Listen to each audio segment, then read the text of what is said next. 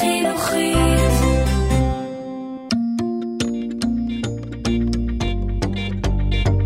איך העולם עובד? עם ארנון זמיר.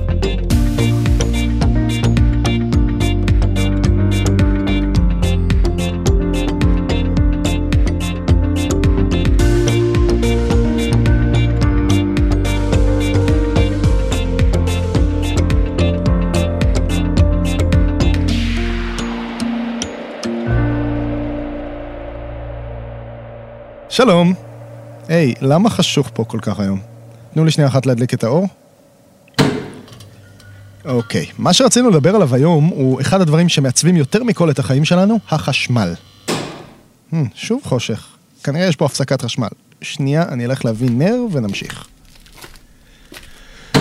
או, ככה יותר טוב. עכשיו אני רואה אתכם. בואו ננסה שוב. אז מה שרצינו לדבר עליו היום הוא אחד הדברים שמעצבים יותר מכל את החיים שלנו, החשמל. בכל פעם שאתם מפעילים טלוויזיה, או מדליקים את האור, או מחברים טלפון למטען, יש חשמל בשקע שבקיר. טוב, בעצם כמעט כל פעם. החשמל זורם לקיר, והוא זורם מתחנת כוח שהיא מפעל לחשמל. בישראל יש כמה תחנות כוח, וברובם יש מנועי קיטור ענקיים שמסובבים גנרטורים, או מחוללים בעברית, והם צורכים בתור אה, דלק, פחם או גז טבעי. אבל ברמת הגולן ועל ראש הגלבוע ובהרי יהודה אפשר למצוא תחנות כוח שמייצרות חשמל בלי מנוע ובלי לשרוף דלק. אלה הן טורבינות רוח. הדברים האלה שנראים מרחוק כמו מאוורר ענקי שעומד ומסתובב על ראש גבעה. איך זה עובד? אז כדי להפיק חשמל בכל צורה שלא תהיה, צריך גנרטור, או כמו שקוראים לו לפעמים, דינמו. לגנרטור יש שני מרכיבים עיקריים, מגנט וסליל. הסליל הוא גליל גדול של חוט מוליך דק, בדרך כלל עשוי מנחושת, והמגנט הוא, ובכן, מגנט, אבל חזק מאוד מאוד. תופעת הטבע שעליה מבוסס הגנרטור היא זו. אם יוצרים שדה מגנטי על יד חוט חשמל, אז לא קורה כלום. אבל אם מזיזים שדה מגנטי ביחס לחוט החשמל, נוצרת זרימת חשמל בחוט. זאת אומרת, גם אם תיקחו מגנט מהמקרר ותחזיקו אותו על יד חוט חשמל דק ותזיזו אותו קדימה ואחורה מהר, אתם תיצרו קצת זרם בחוט. אבל ממש ממש קצת, ואתם תתעייפו די מהר. עכשיו, ככל שהחוט ארוך יותר והמגנט חזק יותר ויש יותר תזוזה, ייווצר יותר חשמל. בשביל אה, שיהיה לנו חוט ארוך, משתמשים בסליל. אנחנו מלפפים חוט חשמל דק סביב גליל ויוצרים אלפי אלפי ליפופים צפופים מאוד. אנחנו מביאים מגנט חזק במיוחד, ומה שנשאר לנו זה ליצור הרבה תזוזה.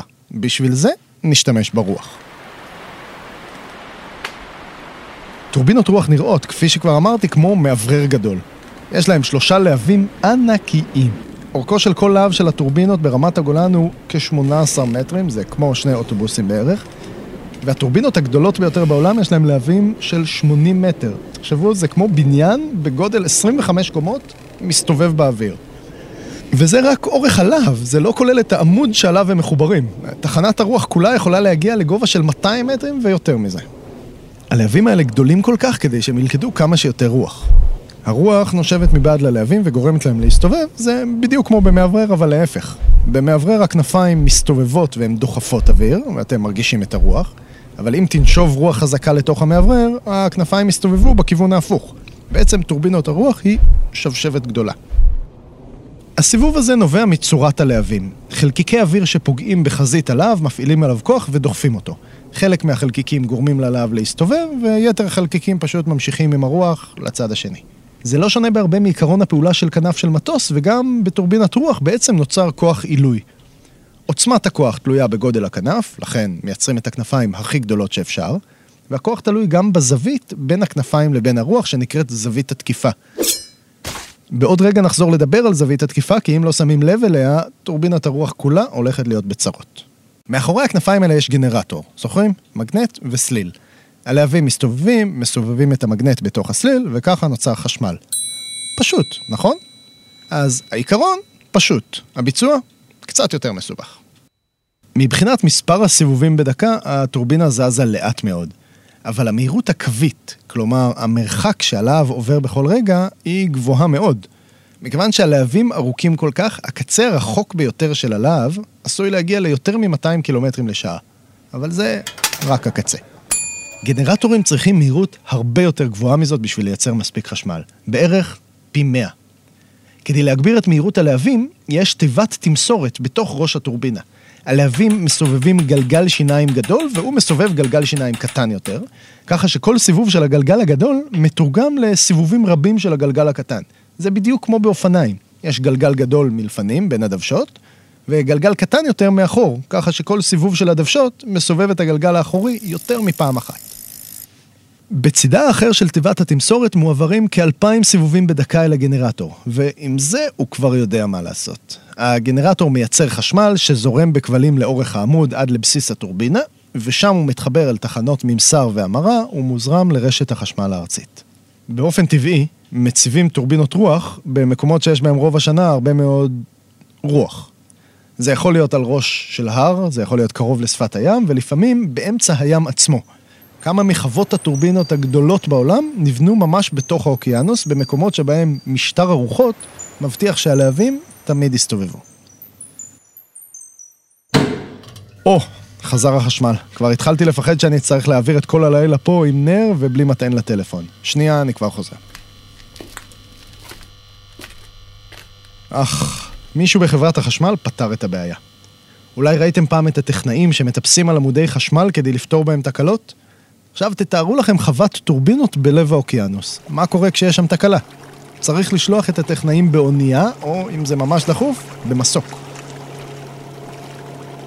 הטורבינות לא רק ממוקמות באזורים עם הרבה רוח, הן גם משנות כיוון כדי ללכוד כמה שיותר ממנה.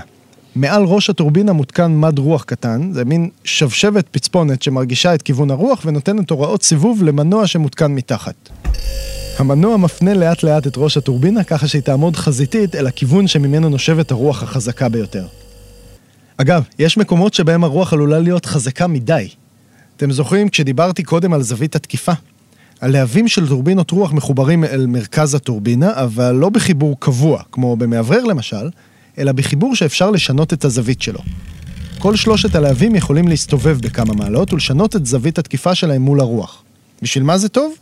קודם כל, לפעמים אנחנו רוצים ללכוד כמה שיותר רוח, ולפעמים, כשהצריכה נמוכה, מספיק לנו שהטורבינה תסתובב לאט ותייצר פחות חשמל. אבל החשיבות העיקרית של השליטה בזווית התקיפה של הלהבים היא כשמתחילה סופה. כשמתחילה סופה, הטורבינה עלולה להסתובב מהר מדי. הלהבים יתקשו לעמוד בעומס, תיבת התמסורת תתחמם, ובמקרים חמורים במיוחד, הטורבינה עלולה ממש להישבר. לכן ברוחות חזקות במיוחד, פשוט מכבים את הטורבינה. מסובבים את הלהבים ככה שזווית התקיפה שלהם תהיה נמוכה מאוד. זה אומר אמנם שהם לא מסתובבים, אבל חשוב יותר, הם לא עומדים בהתנגדות לרוח והם לא יישברו. כשהרוח תיחלש, אפשר יהיה לסובב אותם שוב ולהתחיל עוד פעם לייצר חשמל. טורבינות רוח הן אחת הדרכים הנקיות ביותר שאנחנו מכירים לייצר חשמל. הן לא מייצרות שום זיהום, הן לא מעלות עשן והן לא מבזבזות שום דלק, כי הרוח בכל מקרה נושבת, בין אם יש בדרכה טורבינה ובין אם אין. לכן כנראה שבעתיד נראה יותר ויותר מהן, ככה שנוכל לצמצם ככל האפשר את הפגיעה בכדור הארץ, ובלי שניאלץ לספוג כל מיני... הפסקת חשמל? שוב?